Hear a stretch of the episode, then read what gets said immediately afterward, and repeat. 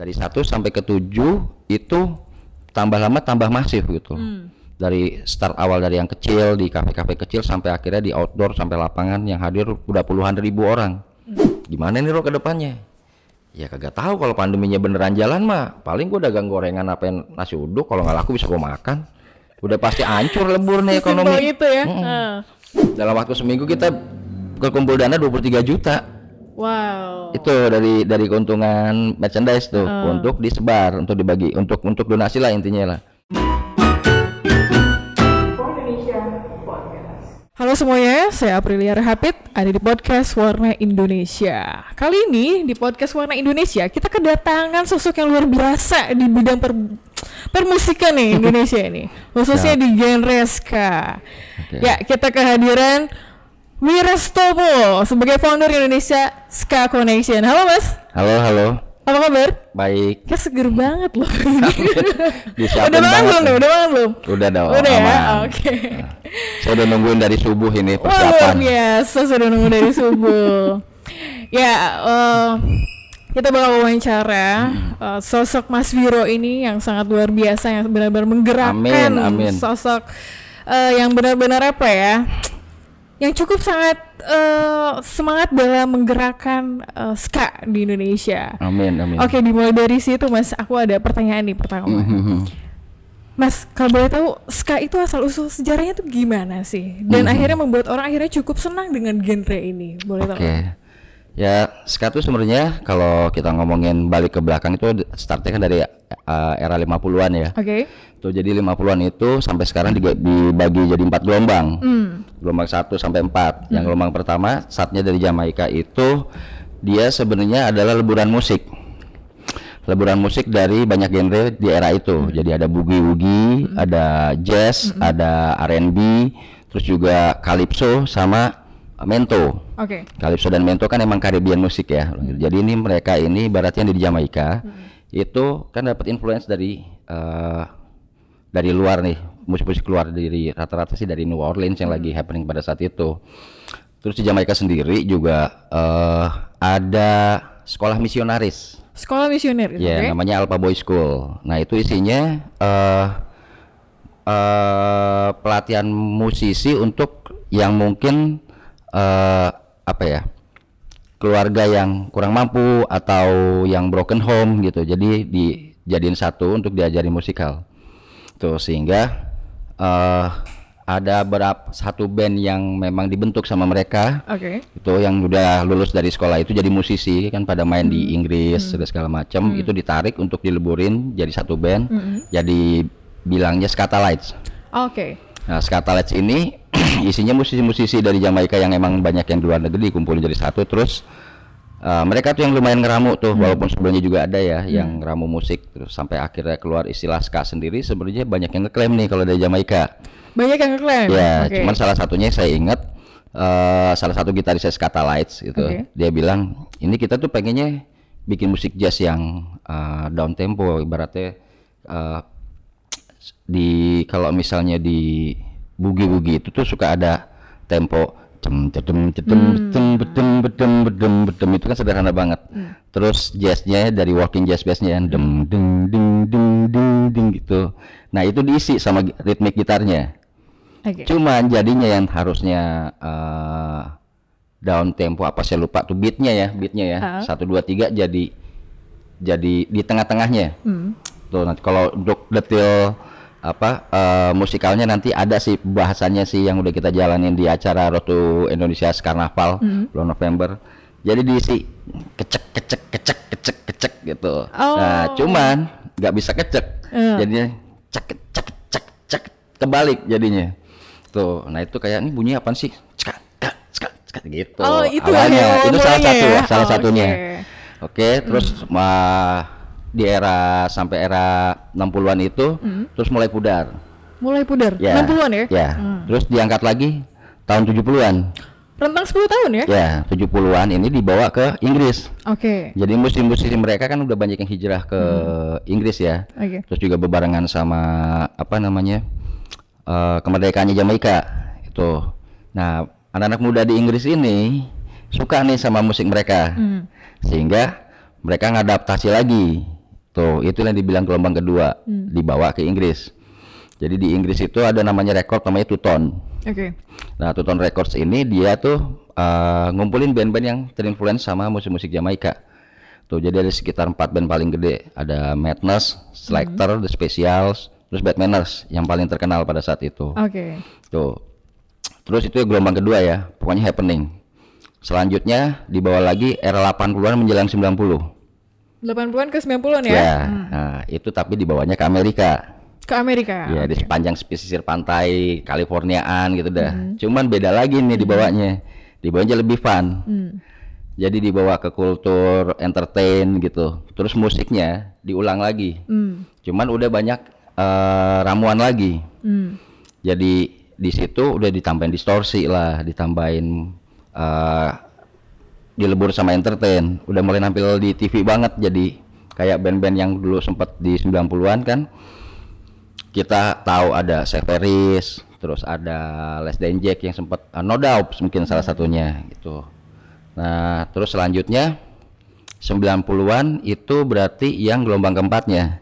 Hmm. 90-an gelombang eh sorry eh, 90-an itu juga masih gelombang ketiga ya Oke. cuman tahun 90-an itu masuk ke Indonesia Jadi ke Indonesia itu masuk 90-an ya? Iya. Oke. nah di Indonesia ini karena eh, di Amerika kan udah mulai ada MTV tuh Iya, sering iya. nayang-nayangin eh, band-band ska gitu nah itu yang diadaptasi sama anak-anak Jakarta anak-anak di kota besar Akhirnya berkembang lah di Indonesia iya ya. itu terutama masuknya lewat Jakarta pada saat itu kan belum ada informasi apa pun Iya. kita cuma bisa lewat TV atau lewat manual by hand Zaman itu ya, kalau Iya. zaman itu hanya tiba aja ya. belum belum ada internet banget Iya, belum dites. jadi eh, informasi tentang musikalnya itu minim banget Iya, iya. nah itu yang membuat jadi sedikit pelit ya untuk berbagi informasi ya pada saat itu ya Bisa dibilang pelit ya? iya gitu nah gelombang keempatnya Heeh. ini balik lagi kayak nge-revival yang pertama pengennya Oke. Tuh, karena gelombang ketiga ini dianggap terlalu industri. Jadi orang tertarik malah balik lagi yang kayak original. Gitu. Kurang lebih begitu sih. Oke. Mas Viro sendiri apa sih kira-kira yang bikin Mas sendiri senang banget ya dan jatuh Hmm. hati gitu dengan genre ini sampai akhirnya bener ini kan dari 95 ya sukanya Iya, heeh. luar biasa udah sekarang udah 25 tahun lo suka apa yang ngebedain genre ska sendiri nih dengan yang lain sampai Iya. akhirnya jatuh hati banget sama genre Nggak ska tahu ya Mbak ya, saya sih ngikutin aja ya. Baratnya kalau tahun 90-an itu kalau mau jadi beda kan nggak mungkin dengerin pop ya. ya Saya pop pada saat itu kan yang emang mendayu-dayu banget ya. Tuh kayak gelas-gelas kaca gitu, kayaknya sedih banget. Pengen nyari yang fun gitu loh. Pada saat itu aja saya sebenarnya metal sebenarnya. Karena kalau mau jadi yang beda nggak mungkin dengerin musik yang lagi ada di Indonesia yang populer. Namanya juga pop kan. Jadi sambil dari genre metal terus mulai ke punk sampai akhirnya ini cocok nih sama ska nih. Nah, di era 90-an yang saya tadi bilang tadi itu kan banyak yang ngeblend Hmm. Di 70-an aja tuh yang gelombang kedua sebenarnya udah di blend sama musik punk. Oke. Beatnya lebih cepet gitu. Terus eh, lirik-liriknya juga lebih ke protes itu. Ngepasin banget kalau yang di Inggris emang eranya lagi apa Great Recession kali ya. Jadi lebih ke protes anak muda gitu terus sama eh, pemerintahannya yang eh, apa namanya? undang-undangnya nggak cocok sama pekerja juga kayak gitu-gitu, lebih ke protes. Hmm. Nah, sebagian menganggap bahwa ska itu bagian dari working class protest. Tuh, karena rata-rata yang yang penggemarnya ini emang working class gitu loh. Mungkin bukan di Inggris ya. Mungkin bukannya yang menengah ke atas tapi middle atau ke bawah. Tuh, sehingga juga jadi eh wacana untuk apa namanya ya? eh, era itu kan juga lagi ya, apa eh, kencengnya kan tentang imigrasi lah apa nih rata-rata kulit hitam. Hmm. kan dari Jamaika. Hijrah kan jadi li- dibayarnya lebih murah cari kerjaan lebih gampang diangkat jadi isu tentang imigrasi. Tuh. Makanya di era 70-an itu labelnya warnanya tuh hitam putih. Hitam putih. iya gabungan antara kulit hitam sama kulit putih. Masih ada sentimen rasial sebenarnya. Ibaratnya ini nih musisi-musisi dari Jamaika yang berkulit hitam nggak bisa main ke atas. Jadi mereka cuma mentok di kafe-kafe di bawah Oh. tuh di klub-klub kecil. Nah Oke. itu yang mau diangkat sama anak-anak working class ini nih, kulturnya kan nggak jauh dari skinhead ibaratnya. Ah, di sana tuh ada ah, kaum sih budaya gitu kan bukan le- bukan musisi tapi apa ya istilahnya kayak anak muda yang memilih untuk jadi genre kalau lu kagak jadi rocker lu kagak jadi apaan ya kalau yang budaya hipis tuh lu nggak jadi hipis ya lu jadi working class yang biasanya ngarahnya ke skinhead karena tampilannya rapi Iya. rambutnya cepak gitu ngikutin budaya dari Jamaikanya Hmm. tuh jadi alkulturasi budaya sih sebenarnya sih nggak cuma sekedar musik Iya, jadi mempersatukan ya. Iya, Ah, eh, jadi isu-isu rasialis gitu, sama rataran genre sama eh, kulit juga, itu yang diangkat temanya di tahun 70-an. Sampai menjelang 80-an, 90-an sampai di Indonesia sampai Amerika. Iya. Di yang di Amerika baru kedengeran 95. Hmm. Jadi ini nggak cuma sekedar musik. Saya lebih tertarik ke budaya Lebih ke budaya. budaya juga gitu. Pada saat itu nggak mudah dapetin informasinya dan begitu saya tertarik standar ya kalau misalnya kolektor kan pasti cara buat dapetin yang lain lagi harus manual. Nulis surat mbak. Jadi nulis, Nulis surat, dikirim ke sana. Kita dapat alamatnya berdasarkan dari CD-CD dan kaset yang suka di belakang. Iya. Send apaan ke grup kalau mau tahu Wow. informasi dari situ. Nggak ada ngetik tuh di internet, nggak ada internetnya. Dan menurut saya ini jadi menarik karena akhirnya ya nggak habis-habis dari situ direspon sama pihak sana, di, saya dikirimin katalog, kirim terus selanjutnya saya sering malah senengnya order buku, buku sama video. Saking cintanya loh ya. Iya. Sebegitunya. Tuh, Oke. jadi Hmm. ya karena sulit juga dan berhubungan sama impor barang kan. Iya, betul. Walaupun pada saat itu dolar masih 2000-an ya. 2000-an 2000 perak. Cuman buat saya yang waktu itu yang emang bukan disupport sama orang tua untuk masalah kayak gini-ginian ya manual. Iya. Tuh. Jadi informasi yang saya dapat ini mungkin buat orang lain yang saya bilang tadi tuh kan kan dapatnya susah jadi pada pelit. Hmm. Kalau saya kagak, saya sebar-sebar dengan resiko ya kalau dipinjemin hilang gitu misalnya Iya. dan emang kejadian banyak yang hilang. itu- ya kayak gitu sih. Waktu itu saya masih di Jogja tuh, Ah. tahun 95-an awal kan saya kan masih di Jogja. Hmm. Sebelumnya saya di Jakarta juga udah intens sama pang sebenarnya. Hmm. Pangnya juga lagi berkembang. Terus eh, saya di Jogja, Hmm. terus saya mulai ketemu tuh sama band Segidok sebelum jadi Segidok saya lupa tahu namanya apa, itu saya sebarin. Gitu. Oke. Mas kecintaan Mas di- dengan dunia ska ini kan Hmm. Membawa Mas sekarang menjadi founder Indonesia Ska Connection. Ya.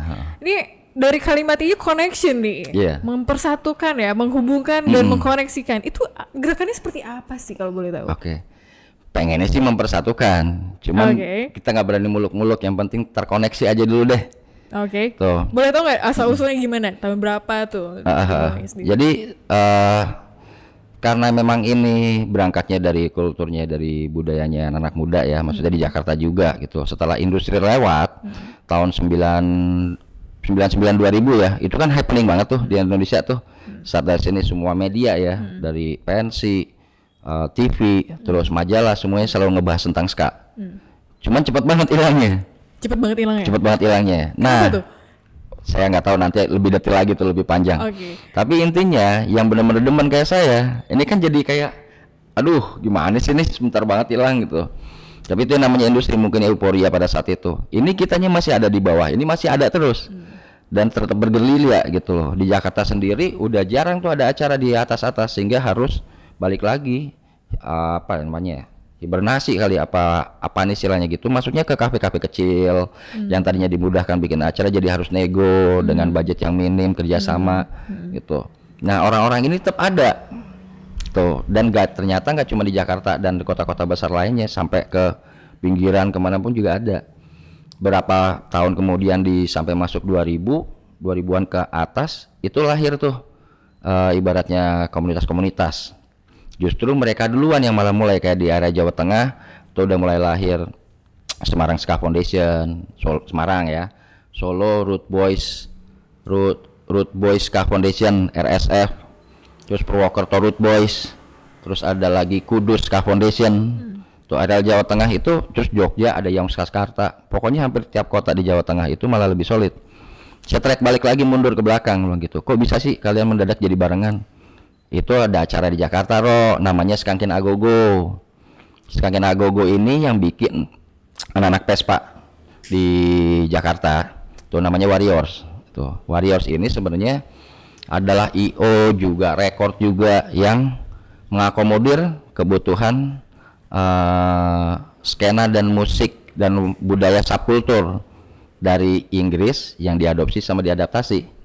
Tuh, jadi masih sekitaran musiknya mungkin orang nggak tahu belum pernah dengar ya. Ada oi, ada punk, ada ska, ada hardcore. Nih empat elemen yang 90-an sebenarnya kencang banget nih, tapi di under radar, underground lah istilahnya Oke. gitu. Jadi selain metal ada lagi yang underground. Tuh, dan mereka amat sangat idealis pada saat itu. Sehingga eh apa baratnya apa ya? Eh, untuk ke industri mereka nggak tertarik. Pada saat itu pemahamannya kan ya anti mainstream lah, anti major label lah kayak gitu-gitu. Karena mereka berpikir kita yang capek-capek ngebangun, mereka yang akan mengcounter dan menyuruh kita untuk membentuk gitu. Lu harus selera pasar. Ini lagu nggak laku kayak gitu-gitu sehingga harus jadi mandiri. Terus sampai mana tadi? Nah, oh iya, ah. eh, tentang ininya sendiri ya. Pokoknya yang lahir di Jawa Tengah itu, Hmm. yang saya track balik, saya ketemu ada ada sekitar dua orang nih sebenarnya nih yang yang berkiprah di situ. Dari Solo ada Mas Aan, Oke. saya lupa nama aslinya, cuman biasa dipanggil Aan The Mobster, bandnya kan The Mobster. Dari Solo, terus sama Ade Surya. Ade Surya ini dia sebenarnya anak Bandung yang tinggal di Semarang dan dia bukan anak band. Oh, Oke. Tuh, dia yang mendirikan Semarang Ska Foundation. Nah, dibilang itu acara Skanken Agur yang bikin kita Jakarta sekali-kalinya manggil band luar kota semua. Surabaya, Malang, Solo, Bandung tuh dikumpulin di dalam satu acara. Pada saat itu acaranya kok kalau nggak salah di Blok M eh di Kemang deh. Di Kemang Ya ya. di kafe nggak nggak gede itu. Oke. Oke. Mas, dari founder Indonesia Ska Connection ini, Mas ya, menggerakkan sendiri dan dengan eh, teman Mas sendiri yang dari Semarang dan juga Solo ya. Iya. heeh. Itu apa sih yang memicu Mas sendiri? Ya udahlah, ini gerak nih dengan eh, Indonesia Ska Connection ini gitu. Hmm. Dan kan katanya menggerakkan donasi juga ya. Terus Iya. juga buku juga nih. Nah itu boleh nggak sih dijelasin? masih panjang sih sebelum menuju situ. Jadi eh karena keberadaan mereka-mereka nih eh, ibaratnya wadah komunitas yang ada di Jawa Tengah, Jaka dan juga di Bandung tuh di Bandung malah udah lebih masif pergerakannya. Dia ada rekor sih berawal dari rekor namanya White Cat Liar Records. Oke. Berawal dari rekor malah sampai bikin acara bertahap yang akhirnya jadi acara besar. Namanya Mari Berdanska. Dari 1 sampai ke 7 itu tambah lama tambah masif gitu.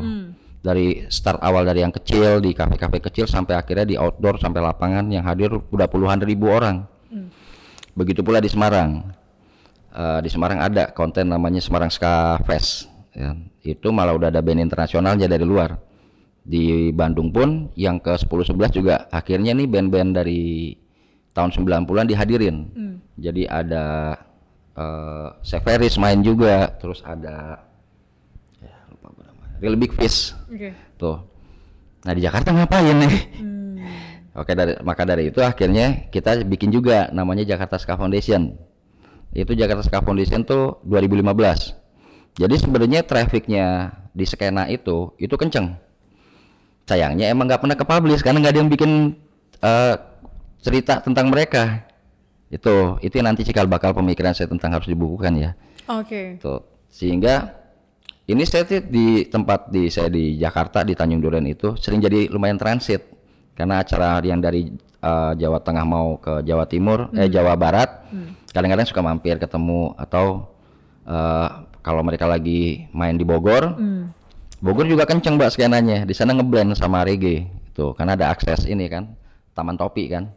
Jadi hampir tiap minggu tuh acara di sana. Tuh kadang-kadang ketemu kalau nggak saya datang ke Bogor ntar ketemu di tengah. Nah ini ini tiga orang ini nih. Jadi waktu itu saya Mas Ade sama eh Mas Aan tuh ngumpul roh kalau udah begini enaknya ngapain? Ngapain apanya? Harusnya kan JS, JSF udah berdiri tuh. Yep. JSF bisa kali ini jadi induknya. Aduh induk ngapain? saya bilang. Yang mengakomodir semuanya gila lu gue bilang. Mana bisa lu gitu. Justru kalian lah yang lebih bergerak lebih awal. Kalian aja yang jadi induknya. Saya bilang begitu. Nggak bisa roh. Di sini akses informasi. Biasanya rata-rata ujung-ujungnya ke Jakarta Jakarta juga gue bilang. Oke. ya udah tak pikirin ya nanti ya gimana caranya. Udah jalan aja dulu. Itu adalah embrionya Berarti tahun Indonesia Ska 2016 ya? Connection Bukan, itu masih di 2015-an. 2015-an. Oke. Mm-mm, itu embrionya. Hmm. Terus kita iseng-iseng lah ngimpi lah bertiga itu di lantai atas tempat saya tuh. Ah, mungkin bisa diawalin apaan Ro ya? Bilang gitu. Ya udah coba kita aja ngumpul-ngumpul dulu kan udah ada WA waktu saya situ. Kita bikin grup WA. Semua wadah yang terlibat kita coba undang aja. Ini nih karena trafficnya kenceng. Jadi saling singgah gitu antara Jawa Tengah ke Jawa Barat dan ke Jawa Timur acaranya sebenarnya banyak banget kalau misalnya diceritain satu-satu bakalan satu edisi terpisah nih sebelum adanya Indonesia Ska Connection. Jadi akhirnya ngumpul lah nih saya bertiga nih. Saya, Aan Mobster dari Root Boy Ska Foundation Solo sama Mas Ade Surya dari Semarang Ska Foundation. Lah kita ngobrol panjang lebar, terus langsung ngomong terus ujung-ujungnya apa nih, Ro? Ya nggak tahu, mereka punya ide Jakarta Ska Foundation jadi induknya aja. Lu gimana bisa jadi induk men di sini aja ngordinir anak Jakarta aja susahnya bukan main atau jadi induk. Ya kalian lah yang udah mulai duluan, saya pikir begitu. Udah induknya Semarang Ska Foundation aja. Percuma Ro, kalau misalnya ngajuin apa-apa ujung-ujungnya mesti direview dulu ke Jakarta, baru nanti balik lagi. Udah kamu cari akses ya udah. Gua nggak tahu gimana caranya ya supaya bisa terjadian itu nggak tahu. Pokoknya kita ngumpul aja dulu dah kopi darat. Tuh, kopi darat gimana? Ya ngumpul-ngumpul aja. Karena biasanya kan kita nih tertarik untuk saling silaturahmi karena acara. Acara musik, festival yang gede-gede, semuanya terlibat karena emang ada acara musik gitu. Sekarang kalau misalnya dibikin cuman ngumpul-ngumpul mau nggak? Kita liatin siapa yang antusias nih. Akhirnya dites lah ya. Iya. Nah, terus kita cari kesepakatan. Oke. Yaudah, Mas Wiro, ini kan kita bikin grup WA waktu itu udah mulai ada WA tuh ya, dan bisa ada grup diinvitin semuanya satu-satu. Itu masih 2015-an akhir lah. Diinvitin semua satu-satu dari Malang ada MLGSK, dari eh, area Jawa Tengah ada sekitar 45. Terus Salatiga, Salatiga ah, lupa saya namanya. Pokoknya ada Salatiga terus dari kota-kota pokoknya dari semua kota-kota itu terus kita invitin. Ini eh, Solo mau jadi panitia. Tuh jadi kita nyewa villa terus semuanya pada patungan tapi ntar aja coba diakomodir sama Solo dulu pas datang baru bayar. Tuh untuk nyewa villa selama dua hari terus ngumpul-ngumpul. Kejadian tuh. Nah berita ini disebar lewat WA grup yang respon nggak taunya masif Wah. gitu. Sebagai perwakilan ya ya. antusias eh. jadi bahkan dari Batam sama Makassar itu sampai datang. Itu bilang loh mas ini cuma ngumpul-ngumpul mas bukan acara festival loh. Kita tuh sederhana cuma di villa doang ngobrol. nggak apa-apa Om Wir dipanggil gitu. Kita pengen hadir kok pengen terlibat juga bilang gitu. Tuh, merinding nih saya. Mm-mm. dari Makassar dari mana lagi tuh yang dari Batam berangkat kan ya udah sampai akhirnya kita datang ngumpul. Semuanya kan pada bingung mau ngapain bang gitu. Ini mau ada urutan acaranya gimana? Nggak ada urutan acara udah ngobrol-ngobrol aja. Pengen ngobrol aja bang gitu. Terus begitu malam baru tuh saya mulai arahin.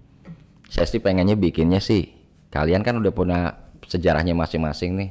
Kalian kan juga apa namanya eh, penggiat pelaku gitu loh aktivis bisa kali cerita masing-masing tapi di buku ditulis. Sehingga ntar kalau dikumpulin kita bisa bikin buku. Itu sebenarnya. Loh kita pikir mau bikin acara festival kan lagi-lagi. Maksudnya Lagi-lagi festival lagi-lagi mereka semuanya bilang. mikir Jakarta Konser mau terus ya. bikin acara festival Indonesia. Aku bilang gimana mau bikinnya bray orang buat Jakarta aja kagak bisa-bisa belum sempat bikin gitu. Ya ntar paling bertahap lah. Ya. intinya itu Nah, semuanya masih dengan asumsi yang sama mikirin paginya ya setelah dua hari itu punya mimpi untuk suatu saat bikin acara festival. Tuh dan pengennya di Jakarta gitu yang ngakomodir. Entah itu mau di mana tapi Jakarta nih yang suruh eh, mengakomodir semuanya. Ya udah dikip dulu ya. Pokoknya saya tabung dulu nih nggak tahu caranya gimana gitu. Habis itu sepi deb itu 2016 itu. Ya 2015 awalnya apa nih pemikirannya baru 2016 bulan Mei ya? Mei ya Oke. tanggal 5 sama 6 anggaplah tanggal 6 itu Oke. kita ketok palu Indonesia Ska Connection berdiri tuh Nah, akhirnya selama 2016 ke sana itu ya nggak bikin sosmed nggak ada gerakan apa-apaan tapi bikinnya hashtag gitu Ini jadi dia ya hashtag ini ya. Yang ini lo terus Indonesia Ska Connection malah nggak ngapa-ngapain lu deh hashtagin aja duluan biar kenceng. Hashtagnya apa tuh? ya Indonesia Ska Connection. Jadi itulah yang akhirnya itu aja hashtag aja itu. Nah baru 2020 pas pandemi kita eh memutuskan untuk aktif gitu. Eh tadi pertanyaannya gimana? Kalau dari segi donasi kan kata tadi kita sempat ngobrol ya. Yang akhirnya nggak sempat bantu karena se- kemudian meninggal ya. Boleh nggak sih diceritain dari segi itunya dan oke masuk soal apa ya semangat mereka gitu untuk benar-benar bergerak gitu di, di sini. Oke, jadi eh, pemikiran untuk mengaktifkan kembali Indonesia Ska Connection yang awalnya dari grup WA itu sebelumnya terinspirasi sama gerakan yang lain. Hmm. Jadi saya ini kan eh, nggak cuma di skena ska doang gitu, Oke. ada di skena skinhead juga, di skena punk juga gitu. Nah awal-awalnya tuh dari skena skinhead sama punk nih, ada akun Instagram namanya Skin and Punk ID. Tuh maksudnya Indonesia Skin and Punk. Dia tuh udah dari 2017 aktif, cuman biasanya kontennya isinya ngasih tahu broadcast acara-acara yang anak-anak teman-teman bikin aja. Pada saat itu pendirinya kan namanya Aan juga nih, cuman beda nih, Aan Haircut namanya, dia dari Bandung.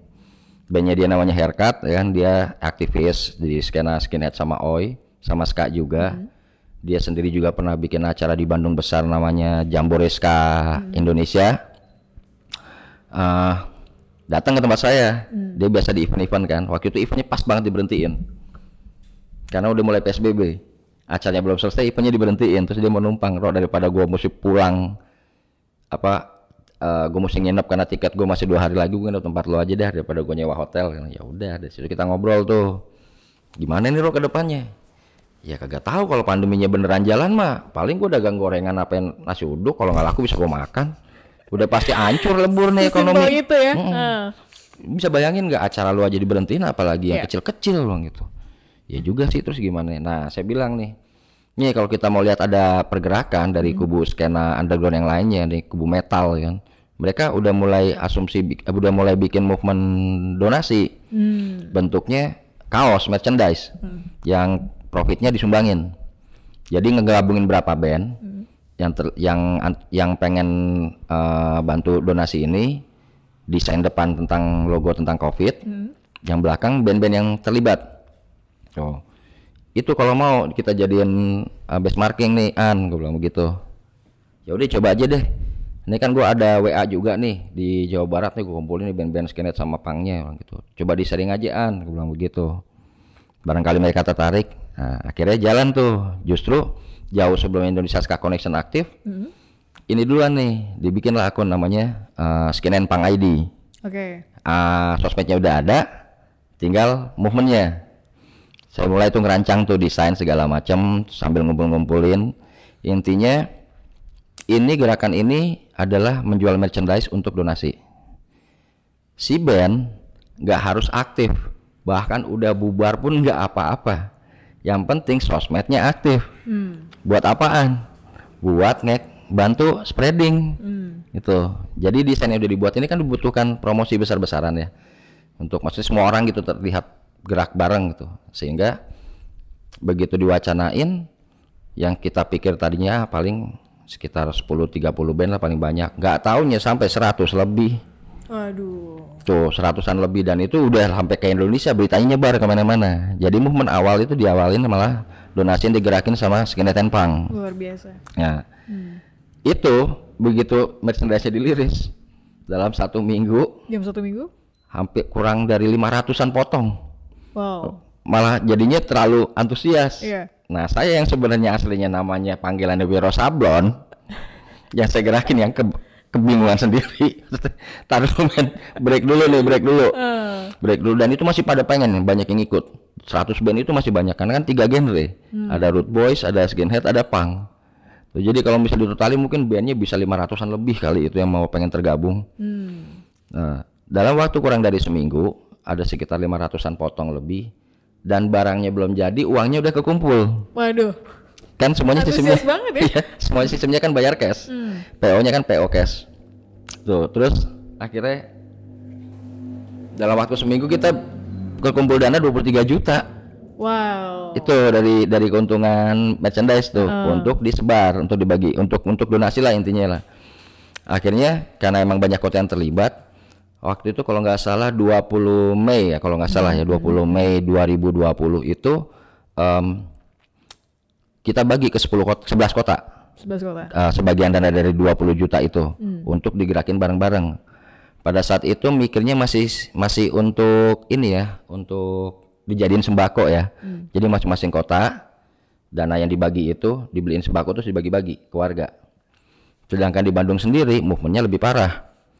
Mereka udah tergabung untuk bikin uh, pembagian sembako hampir tiap hari, justru tiap Jumat. Jadi eh gor Saparua ya. Lupa gue. Pokoknya gor yang biasa dipakai dulu untuk hula balu dah. Itu di take over sama mereka. Hmm. Isinya untuk eh apa namanya? tiap band atau apaan yang bantu nyumbangin dana untuk dijadiin sembako untuk dibagi-bagi rutin. Tuh. Nah, baru tuh saya kepikiran nih. Lah ini kalau misalnya segitu banyaknya band pengen digabungin jadi satu karena soalnya waktu itu kan bentuknya kan band sumbang logo. Iya. Jadi ditaruh di belakang nih yang di uh, movementnya Skin and Punk. Hmm. Logo logo bayangin aja udah 100 aja udah hampir penuh nih. Iya. Udah kalah tuh chapter-chapter motor tuh kalau apa Gojek go- apa online-online tuh ojek ojek online tuh yang ba- banyak emblem-emblem udah penuh Iya. banget. Nggak kayak kaos band jadinya Iya. Tuh kayak kaos acara. Nah kalau misalnya ini nggak muat nih dari situlah saya mulai kepikiran loh ini kan sebenarnya kan Indonesia Ska Connection kan ada. Sayang nih kalau misalnya nggak dipisah supaya jadi lebih masif gitu. Nah, dari situ saya mulai ada pemikiran karena sudah ada contohnya, udah ada benchmarkingnya. Ini loh dalam waktu kurang dari satu bulan bisa mati gerakan. Yuk kita gabung yuk ngumpul. Diaktifin lagi lah WA-nya gitu. Oh, WA-nya si gitu. Indonesia Ska Connection. Hmm. Terus saya mulai bikin wacana. Gini wacananya. Ini ibarat puzzle ya. Iya. Kalau saya jelasin satu-satu pasti panjang lebar. Oke. Namanya grup segitu banyaknya orang kan belum tentu langsung bisa paham. Betul. Pokoknya jalanin aja deh. Nah, ada sekitar berapa wacana yang saya wacanain waktu itu. Pertama, donasi. Mm. Bantu temen. Kalau bukan kita yang bantu, mungkin nggak tahu belum tentu ada juga mau bantu gitu. Yang kedua, buku. Tuh, karena emang ini dari awal harusnya emang kita udah mulai nyicil buku loh. Wadah-wadah komunitas yang tergabung ini harusnya udah bisa menceritakan, terus dibuat jadi tulisan, nantinya dikumpulkan udah jadi buku itu. Iya. Nah, terus yang ketiga ada saran untuk jadi legal. Saran untuk jadi legal. Ya, itu komunitas yang legal, mungkin bukan dalam bentuk PT atau CV. Belum tahu dah, mungkin ormas kali ya. ormas kali ya. Ya pasti legal ya. Pokoknya Berarti. legal dan Ah, terdaftar oke. gitu. Nah, terus berarti kan terus saya pelajarin tuh ribet men nih kayak mau bikin partai tahu nggak lu harus ada ada ART lah harus ada ininya kita mah belum bisa sambil jalan aja deh. Hmm. Nah selanjutnya ini adalah festival. Hmm. Nah festival jadi lebih memungkinkan seperti yang diimpiin sama anak-anak Hmm. karena sekarang festivalnya online. Nah kebetulan gak lama sebelumnya itu ada nih namanya ASEAN Ska Community. Oke. Jadi mereka nih eh, komunitas ska di Meksiko yang ngewacanain bikin acara online. Sistemnya jadi sederhana. Jadi band cukup kirim materi aja. Oh ini buat tanggal 28 Maret ya? Bukan, ini Asia, mana? Ini Asia Asia, Ska, Asia oke. Ska Community Festival. Kita dapat in- dapat idenya dari situ. Oh, inspirasinya dari situ. Iya, jadi ini anak ska Meksiko Hmm. yang nggak tahu kenapa ya, ngajakin band-band dari Indonesia dijapriin. Oke. Ikut dong acara Asia Ska Community Fest. Kalian cukup ngirim materi video aja. Hmm. Gitu. Terus ya udah, kita lihat nih waktu itu mereka tayang kalau nggak salah juga bulan Mei dah. Tuh, bulan Mei. Terus kita lihatin, wah ini mah menarik nih kita juga bisa bikin. Oke, jadi dari Asia Ska Community ini mereka mewacanakan bikin eh mereka merencanakan bikin acara festival streaming online dan banyak libatin band Indonesia. Oke. Tuh, setelah kita lihat prosesnya dan dia mereka sudah tayang, mereka tayang di dua platform. Ah, awalnya di Facebook dulu. Terus saya pikir loh ini sederhana sebenarnya. Ini lebih mungkin kan nih untuk kita membuat festival yang kita impikan. Yang mimpinya itu loh yang dari 2016 itu yang di Tawangmangu Solo itu. Ini aja berarti buat benchmarkingnya. Berarti suatu saat kita juga akan bikin yang sama. Band cukup ngirim materi video. Nanti kita jahit kita sambung. Tapi sebelum itu pengennya lagi-lagi buku. Tuh. Jadi banyak wacana nih sebenarnya. Iya. uh. Nah, Oke. di sela-sela kegiatan untuk menuju ke situ, kita dengar kabar nih. Kabar uh, teman ada yang sakit parah. Oh, iya. Tuh. Jadi bahkan wacana untuk merchandise-nya dibuat untuk sebagian donasi aja itu belum berjalan. Terus dengar kabar temen namanya Hafiz. Dia adalah trombonis band banyak band ska ya sebenarnya. Cuman yang paling dia sering intens tuh eh, namanya band Everybody. Ben everybody. Everybody.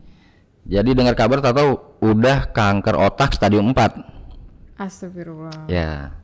Eh memang sebelumnya dia sempat sakit sih. Kita juga sempat bikin acara donasi, cuman nggak signifikan karena Iya. acara kan paling kalau donasi ngecek di tempat ya berdasarkan yang hadir. Ya nggak signifikan banget lah jumlahnya. Nah terus kita mikir nih gimana ya caranya supaya bisa apa merchandise langsung dibuat untuk donasi, bilang gitu. Terus kita share. Ada yang punya ide. Ini ada temen dari Solo, eh cewek, ya kan. Dia juga terkena musibah. Eh, dia harus diamputasi kakinya. Tuh. Sehingga dia membutuhkan ini kan eh, penggantinya kan dan waktu itu kalau nggak salah beberapa tahun sebelumnya ya dia eh, masukin kampanyenya untuk pengadaan kaki penggantinya itu lewat kitabisa.com. Hmm. Tapi itu kan personal ya. Betul. Terus akhirnya ya Mas Ade nih yang ngomong nih gimana roh kalau misalnya kita coba tanya aja sama langsung sama ke orangnya orang gitu namanya jadi lupa lagi. Ya pokoknya itu ntar sambil ya ntar saya inget-inget. Heeh. Galuh, Dulu, oke. Galuh Putri gitu. Kita ajak Galuh Putri terus kita bikin grup nih. Hmm. Bisa nggak ya kalau misalnya atas nama komunitas kita mengajukan kerjasama sama kita bisa untuk membuat wacana donasi gitu. Ternyata setelah kita mengajukan segala macam prosedurnya waktu itu lumayan panjang ya untuk bisa eh, jadi kampanye di ACC sama kita bisa.com. Nah akhirnya pergerakan awalnya dimulainya dari donasi itu. Kita donasi kerjasama kita bisa.com untuk membantu Hafiz, ya kan? dengan wacana pada saat itu butuhnya lumayan besar mbak. Jadi sekitar 450 juta Waduh. tuh Oke. untuk macam-macam lah untuk kebutuhan medisnya, untuk uh, alat-alat medis penunjang juga gitu. Begitu di ACC masif tuh gerakannya tuh sehingga Untungnya masif ya. masif ya. heeh. Alhamdulillah. Kur- dalam waktu kurun dari satu bulan 30-an hari itu terkumpul ya 30 jutaan Oke. tuh. Tetapi pada saat donasinya berjalan banget malah yang di atas ngomongnya beda Apa tuh? Diangkat dia. Itu jadi malah yang di atas berkendak lain eh, Hafiz meninggal. Oke. Tuh, sehingga ya sudah kampanyenya berhenti dan dana itu langsung eh, direct ke keluarganya. Keluarganya. tuh jadi ada dua kali pencairan gitu. Yang pertama untuk dibeliin alat-alat medis yang kedua untuk eh, ya udah meninggal jadi langsung ke keluarganya. Tuh udah tuh eh, oke udah selesai kita lanjut lagi nih ngomongin nih tentang wacana festival lah apalah pada saat itu ya belum kepikiran untuk bikin masif Oke. Nah di tengah-tengah ternyata berita ini nyebar nih. Ada temen yang nyaranin Ro, nih ada aplikasi namanya Live di sini. Mereka sebenarnya orang-orang sound system yang eh, lumayan banting sentir karena kebutuhan untuk eh, kondisi pandemi sekarang. Jadi bikin kontennya jadi live streaming. Kira-kira mau nggak ya kalau misalnya Indonesia Ska Connection diajuin ke sana? Mulailah kita ketemu tuh ngobrol tuh namanya Great Production Indonesia.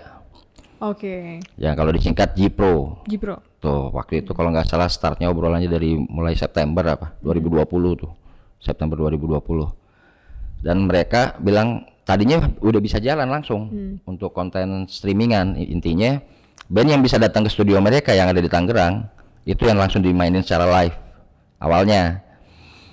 Terus eh ke sininya mereka bilang tapi tar dulu Ro. Kita lagi mau coba bikin aplikasi nih. Ternyata bulan November aplikasinya jadi. Lah saya emang belum sempat datang ke studionya belum ngecek kapan. Saya pikir ya obrolan-obrolan biasa lah nggak taunya beneran. Jadi Desember ya udah langsung aja dibikin nih Rotu Indonesia sekarang. Apa apa lah istilah festivalnya Duh, gue bilang, loh kok jadi beneran sih? Ulang, tar dulu ini kaosnya belum jalan, kaos dulu, buku baru acara. Gitu Ah. udah acara aja dulu gampang lantar belakangan tuh buku sama baju gampang lah bilang gitu Gua bilang kan lagi-lagi kan dibalap nih persis kejadian di Jakarta Ska Foundation sebelumnya oh iya ngomong-ngomong Jakarta Ska Foundation eh, awal-awalnya Indonesia Ska Connection ini berdiri ini sebenarnya yang yang aktifnya beneran ya dihadirin dalam bentuk sosial media ya. Itu sebenarnya akun Jakarta Ska Foundation yang Oh. dirubah jadi Indonesia Ska Connection. Iya. Jadi waktu saya bergerak aktif di 2015 sampai 2017 di Jakarta Ska Foundation itu kan eh, kontennya banyak tuh workshop lah, terus eh, edukasi, terus sama sampai akhirnya bisa festival. Setelah 2017 vakum langsung tuh. Oke. Tuh. Sehingga pas 2020 saya tanyain. Saya punya ide, ini saya yang akunnya yang mau ngurus siapa kalau gitu. Sementara pas nih momennya nih, terus saya izin ke beberapa member di Jakarta Ska Foundation. Kalau gue ganti gimana men? Enggak, pertama gue tanyain, lu mau, masih mau nerusin gak Jakarta Ska Foundation? Ya. Ya mau aja, cuma nerusin ngapain bro? Gue aja udah dikat dari kerjaan gue. Gue nggak tahu mau ngapain, boro-boro bikin orang lain. Gitu. Ya udah, gue izin ya. Gue rubah ya jadi Nusaka Connection. Atur aja daro. Beneran ya? Ya udah. Akhirnya saya ganti tuh semuanya tuh dari akun YouTube, akun sosmed, sama email. Tuh, akhirnya ya dari situ Jakarta Foundation-nya bukan berarti dibubarin Iya.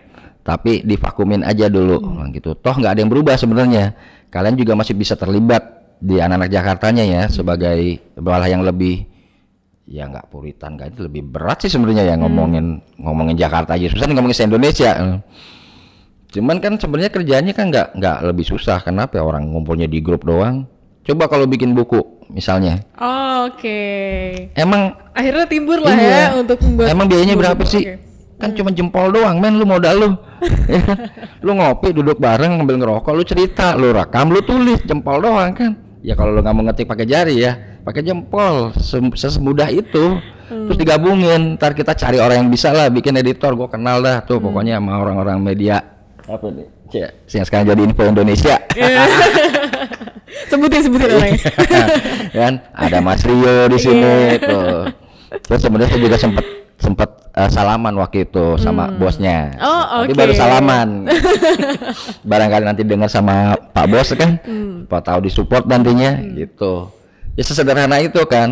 Coba lu ngomongin festival main buset itu bos sewa studio, sewa alat, tetap aja walaupun konsepnya eh yang dijahit-jahit itu, maksudnya band gini materi tapi kan band jadi bebanin nih untuk sewa studio, untuk rekaman, belum lagi broadcastnya. Ah nggak kepikiran lah. Nah kita lagi eh, pesimis masalah itu malah dapat tawaran nih dari Jipro. Saya sebenarnya pengen nahan-nahan gitu loh karena wah nih gua tahu nih bisa gue geber banget nih kalau misalnya acara uh, festivalnya nih onlinenya. Cuman bakalan mundur ini bukunya.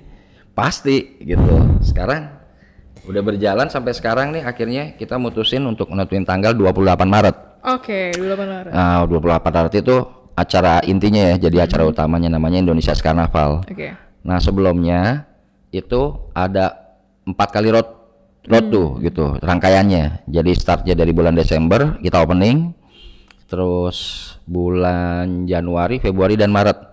Pokoknya yang Maret ini masih ada satu kali acara lagi tanggal 21. Pokoknya ada empat. Ntar bisa dilihat di akun kanal YouTube-nya Great Production Indonesia. Itu semuanya ada di sana tuh yang acara-acara sebelumnya. Berapa band tuh yang bakal tayang? Sampai sekarang yang untuk road tuh sekitar 8. Oke. Kalau yang untuk acara inti mungkin sekitar 30-an lebih lah band. Itu lumayan se-Indonesia ya. Tuh jadi ada dari Padang, ada dari Lombok, Mataram, Mereka seleksi Bali. dulu apa gimana? Enggak. Nah, ini bedanya nih. Wah, apa bedanya. nih? Kalau untuk konten festival biasanya kan dikurasi detail berdasarkan karya. Ini enggak. Wah, kenapa nih? Kok bisa? Ya karena beda nih. Kita nggak mau ada pilih kasih. Aduh. Jadi kalian daftarin aja sendiri, kita buatin formnya. Nggak ada tuh dipilih-pilih di sini. Lu daftarin sendiri, lu main sendiri dan gitu. Jadi tapi mesti paham nih benchmarkingnya ada di ASEAN Ska Community Festival Oke. yang sudah berjalan gitu. Lu bayangin men, kita baru gerak aja ngeliatin orang luar.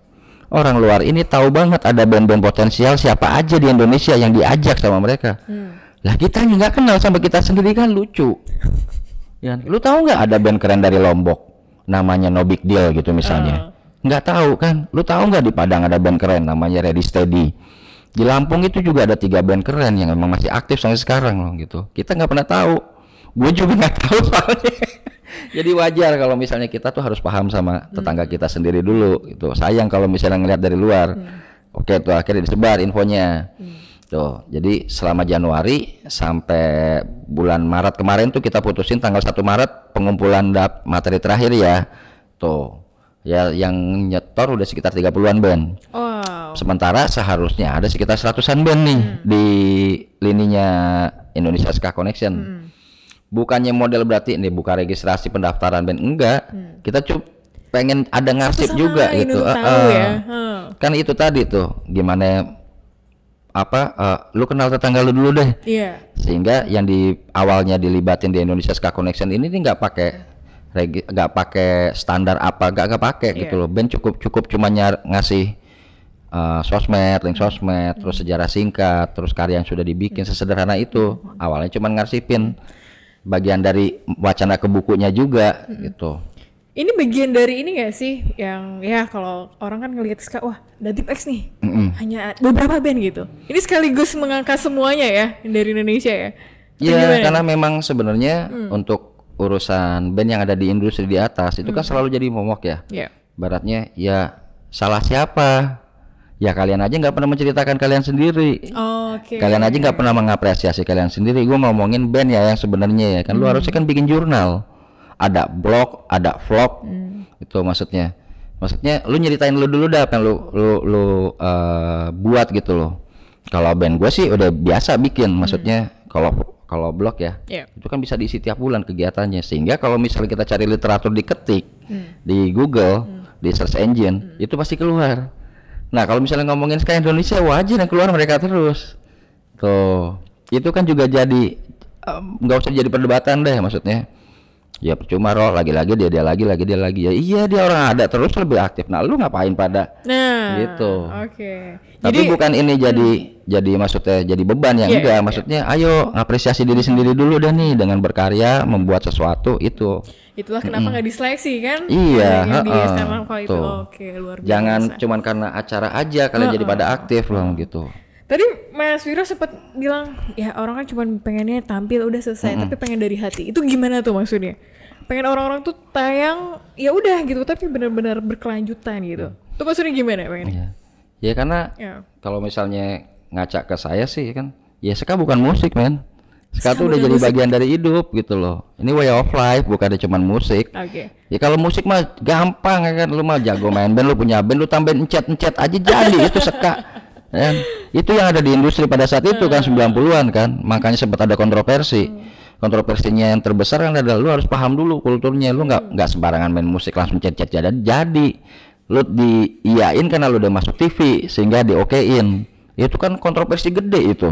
Sampai fisik, Mbak di counter sama skenanya tuh karena ini yang di li- lini grassrootsnya ngedapetin informasinya susah pelajarin banget banget gitu terus ada yang instan budaya instan di industri. Tapi itu kan yang kalian lihat. Kalian lihatnya pas sudah jadi tanyain dong pas prosesnya apakah instan itu mereka kan enggak loh gitu. Terus ke sininya apresiasinya datangnya ke mereka loh bukan ke kita. Karena kita nggak pernah bisa eksposur kita sendiri. Sedangkan mereka yang dianggap sama kita wah ini mah kagak jamaikan banget loh ini mah nggak ska banget bang gitu. Lah apresiasinya datangnya dari luar. Tuh dianggap sebagai ya perwakilan yang ska yang bisa hadir sampai sekarang ya tipek. Mau gimana gitu. Saya mah memahaminya jadi ya karena kitanya nggak pernah membuat berbuat sesuatu. Ya. nggak cukup cuman ngeband membikin lagu doang. Tuh kalau nggak ada tulisan sama apaan pembahasan tentang ininya sendiri nggak ada. Emang nggak ada kan? Hmm. emang nggak ada. Coba aja ketik.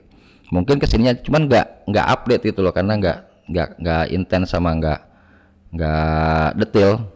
Tuh Oke. Nah kalau misal lu udah ngerasa itu jadi bagian ya lu kan pengen juga kan mau berbuat sesuatu salah satunya ya itu ya. Nulis kan gampang men.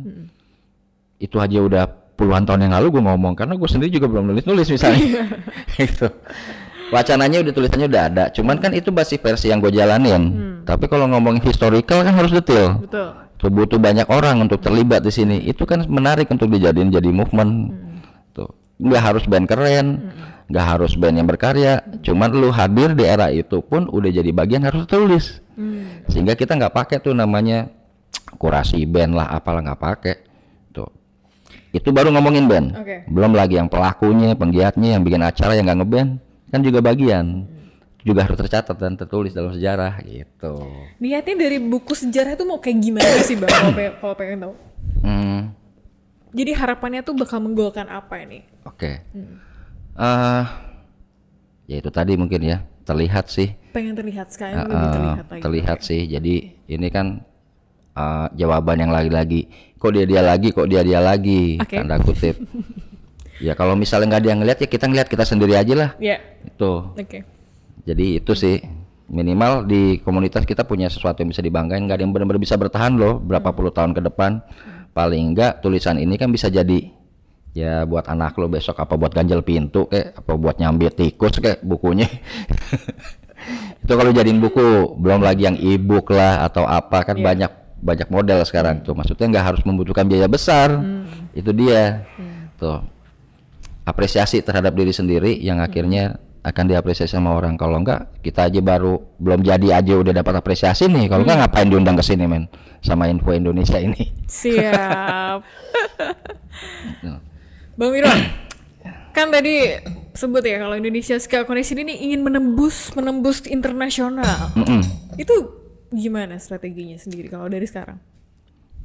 kalau dibilang pengen sih enggak juga ya karena sudah terjadi Karena sudah terjadi. sudah terjadi kan dibilang Hmm. kita nggak ngapresiasi diri sendiri band mendadak vakum Hmm. tapi dari luar tuh ngasih info terus Oh, karya-karya kita tuh banyak tuh ditampilin ya kayak misalnya di podcastnya di luar terus dimasukin ke kompilasi di luar gitu. Itu dia. Jadi ya tinggal di eh, seriusin aja. Maksudnya diseriusin berawal dari buku terus nantinya kita bangun networkingnya dari terdekat dulu deh. Kuatin dulu nih yang paling deket.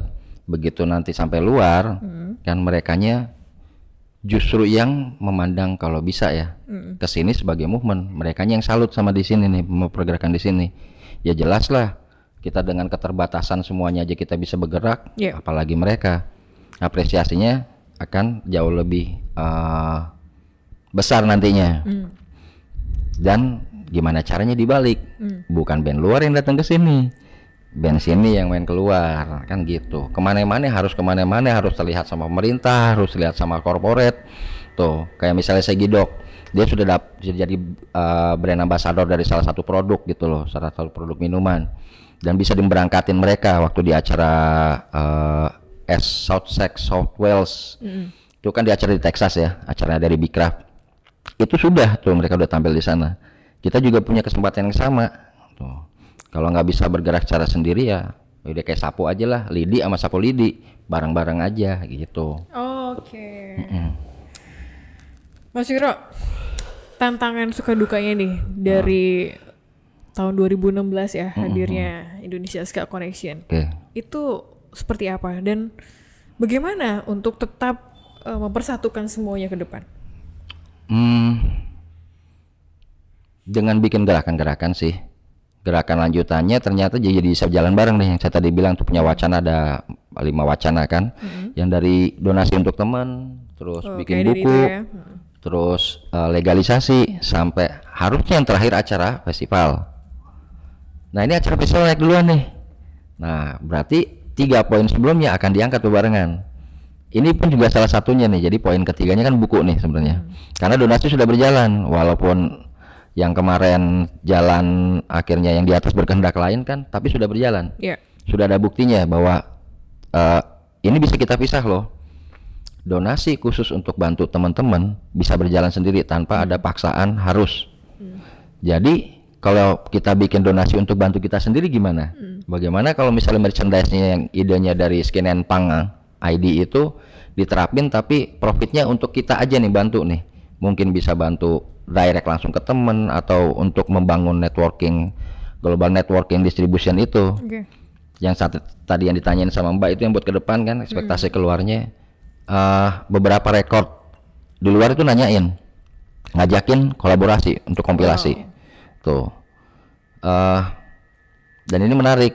Ibaratnya kitanya juga harus bikin sesuatu loh gitu. Misalnya entah itu dari sini ntar eh mengegrab semua rilisan fisik dari yang pernah dibuat sama skena. Tiap band kan pasti punya rilisan fisik tuh Oke. kan? Nanti kita coba tawarin keluar. Bentuknya bukan penjualan tapi trading.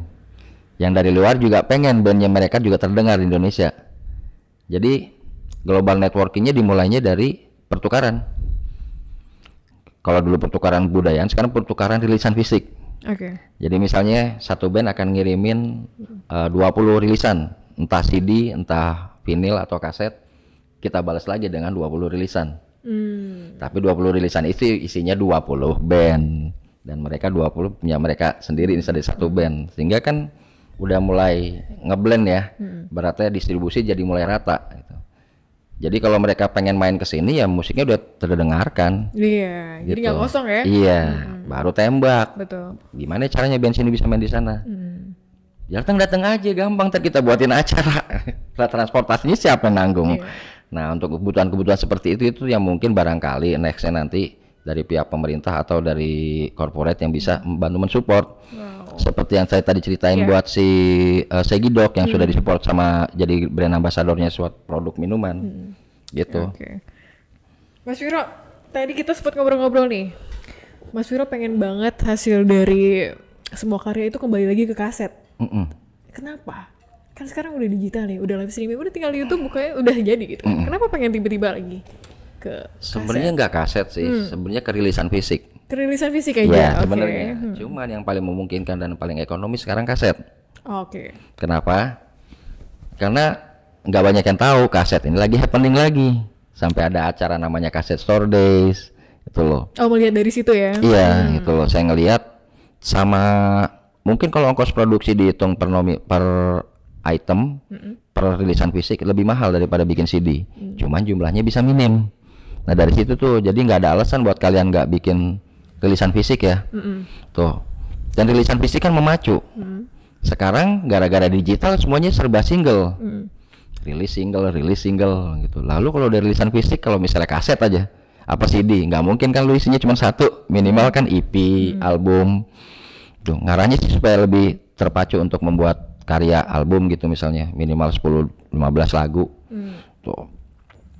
Jadi Ya. karena alasan happening aja ya? Mm-mm, mm-mm. Jadi si kaset ini lebih mungkin kan karena jumlahnya bisa sedikit. Oh, Kalau CD harus minimal 500 atau 1000. ya. Sebenarnya harusnya 1000.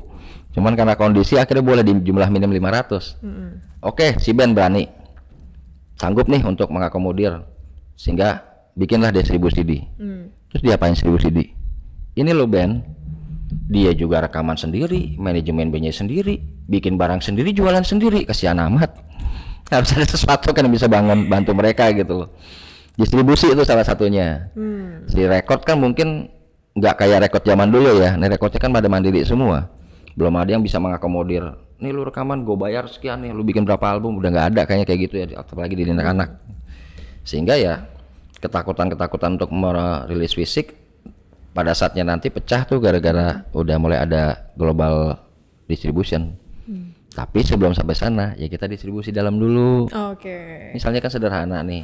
Kalau misalnya ada 100 band rilis CD, ya kan dalam waktu kurun dalam satu tahun ini rilis fisik entah itu kaset entah CD, Bo ya saling beli, Saling beli. ya? saling beli pertamanya dari sederhana kan. Apa iya sesulit itu? Satu band minimal beli satu lah satu minggu. Rilisan teman-temannya sendiri. Hmm. Lu nggak tahu kan kenapa yang sampai ada kaset store deh? Karena kaset-kaset zaman dulu itu sekarang dijual ya bisa 10 kali lipat. Jadi kan alasan itu juga ya? iya, gitu yang menang banyak bukan si pelaku, Oke. tapi kolektor. Betul. Ada rilisan gitu misalnya nih, ada band namanya The Fiska ya kan, dia rilis tuh tahun 2000-an dan band 95. Itu sekarang kasetnya sudah dijual seharga 400 ribu. Hmm. Itu bandnya juga sempat diajakin talk show gitu kan, dia cerita ini nih gitaris gue Ro mau beli CD mau beli kaset gue itu harganya 400 ribu. Dia gedek gini aja deh ini gue personilnya gua mainin di depan lu aja nih gua mainin lu gila juga jual 400 ribu segitu. Nah di di upload nih sama kolektor dari Aceh namanya Tauku Maem Tauku Maem dimasukin. Nah yang ngejual 400 ribu tuh komen komen di postingannya tapi laku tuh 400 salah siapa? Berarti gue nggak salah dong kan? ya salahnya siapa? Ya karena laku kan? Ya karena laku. Terus sambil ketawa-tawa. Jadi ini bukan nyindir tapi emang kejadian. Jadi yang yang diceritain akhirnya komen. Kan wah ya juga ya bilang gitu ya gua mau jual terserah gua orang ada yang mau beli Hmm. bilang gitu itu tuh intinya ini apresiasi kadang datangnya kan dari luar Iya. dari yang gak kita duga-duga makanya kalau misalnya apresiasi bisa dari dimulai dari diri sendiri dulu berarti push limit nih Hmm. untuk rilisan fisik gitu Apa didorongnya nih semua band diska di Indonesia untuk jadi rilisan fisik nah ini eh, mungkin pengennya sih diawalin dari kompilasi kompilasi? yang berhubungan juga misalnya jangan-jangan pemerintah ntar bisa support nih kalau misalnya Oh. kita mau buat konten kompilasi eh isinya tentang lagu daerah Hmm. Karena lagu daerah kan belum ada copyrightnya kan jadi world music kan. Atau band membawakan lagu karya sendiri dengan instrumen alat daerah. Hmm, jadi ada tambahan daerah-daerahnya ya? iya Harusnya, karena oke. ya kayak misalnya gue ngeband nih band gue keren. Semuanya bilang band gue keren. Tapi nyampe luar iya gua tahu band lo keren cuman band lu biasa aja men. Di sini banyak band keren kayak lu. Gitu. Ibarat gitu ya. nah yang bikin beda apaan? Sesuatu yang nggak ada di luar. Oh iya. ya coba bayangin kita nih di skena kadang-kadang suka ngecengin. Namanya tadi gue bilang ya ska itu kan gampang loncat jatin jadi ska. Hmm. ini lagi lagi lumayan jadi kontroversi nih. Ska tarling digabung sama dangdut. Itu misalnya ada akun di YouTube dan itu viewernya gila-gilaan. Kayak skala 86 digabungin sama yang lagi tren sekarang tuh apaan sih? Yang dangdut-dangdut koplo. Koplo ya. iya secara ritmik emang dapat encet-encetnya dapat di tengah-tengah ditambahin dag dag dag dag dar ya kan? Tuh apa eh, joget city jos gitu kan. Tapi kalau buat orang luar itu kagak ada lah ini apaan nih ritmik begini nih? Tuh kan kalau lu pahamin sendiri Jamaikan musik kan emang musik daerah itu kan. Mento sama kalipso kalau bikin keren iya standar dari luar. Cuman di luar biasa aja. Cuman kalau di lebur yang nggak ada di luar itu yang bikin menarik. Itu juga sih. Tuh. Terus tambahin lagi misalnya cari tempat rekaman yang emang keren gitu yang emang bagian dari arsip sejarah juga dan emang tempat nasional gitu. Lokananta misalnya. Hmm. dia kan menarik kan band bisa recording di sana terus direkamnya di Lokananta kita ngangkat arsip sejarah sama aset sejarah juga itu terus ya mungkin bisa ditawarin ke kedutaan-kedutaan KBRI buat jadi souvenir gitu mungkin misalnya tuh karena berhubungan sama tema-tema daerah ya Ada target gak tahun berapa? nggak tahu ini baru wacana lagi-lagi Tapi wacana harus aja didorong ya? iya mudah-mudahan dari sini nanti dapat supporting dari apa gitu kan ada yang ngelihat Amin. Mas Viro nih masih momen Hari Musik Nasional nih. Iya, iya. Kemarin tuh Pak Jokowi bilang kalau di tengah pandemi ini para musisi semakin kreatif katanya gitu. Tapi menurut Mas Viro sendiri benar gak sih kalau kayak gitu? Khususnya di genre ska sendiri. Iya. Kalau iya sih benar sih. Iya. Karena kalau nggak kreatif ya itu tadi. Mungkin saya ngambilnya simple dagang makanan yang kalau nggak laku kita makan sendiri. Karena kita lagi kesulitan makan. gitu. Ini ibaratnya ya Ah, ya kita terbiasa bising sama kehidupan yang umum. Nih kayak lo Eva kayak lo masuk gua dah. Lo bertapa gitu. Lo pengen ngilmu kan? Mudah-mudahan bukan ilmu sesat ya. Tuh sehingga ya lu terlepas dari semuanya lu ngaca dari sendiri evaluasi. Kita mau ngapain sih? Ngaca evaluasi kita mau ngapain? ya itu. Sehingga ternyata semua yang diwacanain dan zaman jadi ide-ide lewat gitu bisa terjadi loh pada saat justru pa- pada saat pandemi ini. Kayak misalnya kapan gue pernah ngobrol sama anak-anak di eh, Batam kapan kita pernah ngobrol rame-rame gitu. Paling ketemunya di acara udah gitu masing-masing. Tapi ini kan kita nggak ke mana-mana ya orang satu grup. Sehingga semua ide-ide wacana bisa dituangin ke situ semua. Pelan-pelan lah kita realisasiin. Di situlah kita bisa jadi lebih kreatif akhirnya. Kita jadi bisa tahu eh, mereka saling share informasi ya. Yang jualan kaos lah yang ngerilis apaan. Bahkan di grup itu bukan tentang hanya karya kalian mau kasih tahu kalau kalian jualan banting setir jualan mie ayam pun nggak apa-apa gitu loh. Maksudnya ya ini nih wacana kita bangun keluarga. Satu grup besar ini nih dimulai dari yang sederhana di WA grup itu sehingga bisa tahu apaan aja sih yang kalian kerjain. Saling share aja siapa tahu bisa saling ngebantu kan. Kayak misalnya eh, ada teman personil dari band Legend juga namanya The Artificial Life namanya Bobby Bobby Rootmart. Dia juga punya clothingan namanya Rootmart terus sekarang juga mau nggak mau harus nambah penghasilan karena semuanya udah cut semua kan dia buka mie ayam namanya mie ayam Pak Ade Slamet Wah, inspirasi nih ya buat Ya. para musisi ska di Ya, Indonesia ya. betul. Di tengah pandemi ini. Heeh. dia juga akhirnya bikin movement namanya Jum- Jumat. Pokoknya tiap hari Jumat. Oke. Kalau ada yang mau mesen mie ayam, Hmm. kalau mau dilebihin, ntar dibagi-bagi nih ke warga, ke orang-orang yang ku- kurang mampu gitu. Hmm. Kan jadi menarik. gitu. Jadi nggak cuma sekedar musik akhirnya. Hmm. Movement itu banyak hal yang intinya berbagi, Hmm. gitu. Jadi emang jadi lebih kreatif sih. Oke. Tinggal ya Oke. jangan malu untuk ngungkapin aja. Oke. Tuh. Mas Viro, apa sih eh, apa ya project-project yang akhirnya gagal atau batal karena pandemi? Boleh dijelasin? Hmm, nggak ada yang gagal. Gak ada ya? Tertunda ya. Tertunda ya. Cuman tuh? berproses. Hmm. Semuanya akhirnya jadi jalan bareng nih. Hmm. Yang diwacanain tadinya harus kita buatin. Ini dulu jalan A, B, C, D. Ternyata gara-gara D ini semuanya jadi bisa dijalani berarti balik lagi ke evaluasi tadi tuh. Memungkinkan nggak ya dengan acara dengan adanya Skarnaval ini untuk kita eh, ngekspos semua wacana PR sih. Mm-mm. Karena semua wacana diomongin ini kayak tahu-tahu kemarin eh diekspos masuk ke salah satu media. Buku SK Indonesia, eh, SK Indonesia Sejarah Indonesia akan dibukukan jedeng aja langsung gitu nama gue, foto gue, gue langsung puyeng. Aduh, ini dia nih. Gue bilang, awas ya gue kagak mau jalan sendiri ya, harus bareng-bareng ya, bilang gitu. Nah itu juga salah satunya. Intinya eh nggak ada wacana yang nggak jalan Mm-mm. tertunda atau berproses. Ya. Tuh. Bahkan yang mesti dipikirin bukan yang nggak jalan. Kalau ini kejadian mau ngapain lagi men habis ini? Iya. Tuh. Lu ngerasa nggak sih kalau sebenarnya ini kita nih lagi bikin planning jangka panjang? Hmm. Lu pikir suatu hal yang besar bisa dibikin perencanaan dalam waktu singkat apa? Kagak. Perencanaan panjang yang mateng sehingga begitu waktunya jalan ya udah semuanya serba tertata. Ya anggap aja nih lagi pandemi kita bikin rencana jangka panjang mau dua tahun kek, tiga tahun kek, empat tahun kek. Ya orang udah 27 tahun juga nggak ada apa-apaan. 27 tahun loh ya kan yang terlihat masih A, si B, si C gitu. Selalu aja. Oke. Gitu. Mas, apa sih harapan ke depan nih buat seluruh eh, band ska di Indonesia? Pengennya mau kayak gimana sih? Oke. Ya dalam budaya subkultur yang saya jalanin sebagai bagian dari hidup saya kan sebenarnya nggak cuma ska gitu loh. Iya. Banyak hal gitu loh yang di bawah radar ya, Iya. bukan di pola pasar gitu. Oke. Ada punk, ada oi, ada reggae-nya juga, juga ada hardcore bilang gitu. Ya ini jadi wacana untuk kita jalan bareng semuanya. Karena secara personal emang nggak jauh-jauh. Maksudnya saya deket juga sama anak skinhead, saya deket juga sama anak punk, sama anak hardcore, sama anak metal, semuanya saya kenal gitu.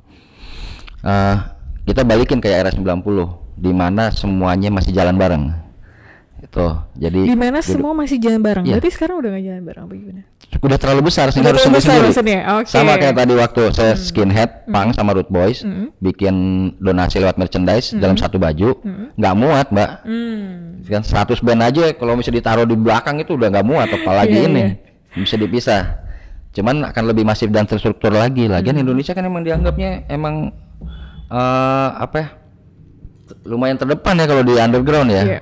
Cuman memang belum bisa membuat suatu yang masif festival besar aja. Hmm. cuman kalau secara movement semuanya ngakuin. Semua lini movementnya jalan. Tinggal kalau misalnya ini bisa jadi proyek percontohannya misalnya barangkali. Kan lumayan. Itu bisa jalan bareng bisa saling eh, apa ya, interaksinya jadi global. Hmm. tuh jadi ya nggak apa-apa ya. Ska ska yang bikin bukan berarti cuman buat ska doang enggak. Buat semua lini itu baru ngomongin ska. Padahal kembangannya ska banyak banget. Banyak ada rocksteady ada early reggae ada dubstep. Ini ini alkulturasi budayanya ya bahwa kayak misalnya nih ini asumsi saya aja ya. Hmm. ini acara dugem nih DJ DJ misalnya. Eh. itu startnya ya dari anak-anak ska juga. Itu startnya dari menurut saya Oke. di eranya ya. Ah. misalnya nih eh, di Jamaika akhirnya banyak band. Hmm. Cuman kalau ini kafe-kafe yang ngadirin band mulu ngap. Capek. Pertama kosnya gede yang kedua bandnya apa ya bisa tampil 10 jam gitu kayak di sini reguleran kan enggak? Hmm. sehingga diwakilin sama vinil diputer. Buat mereka yang penting joget habis itu belanja di kafenya. Tuh dari situ sih kalau menurut saya budaya DJ itu.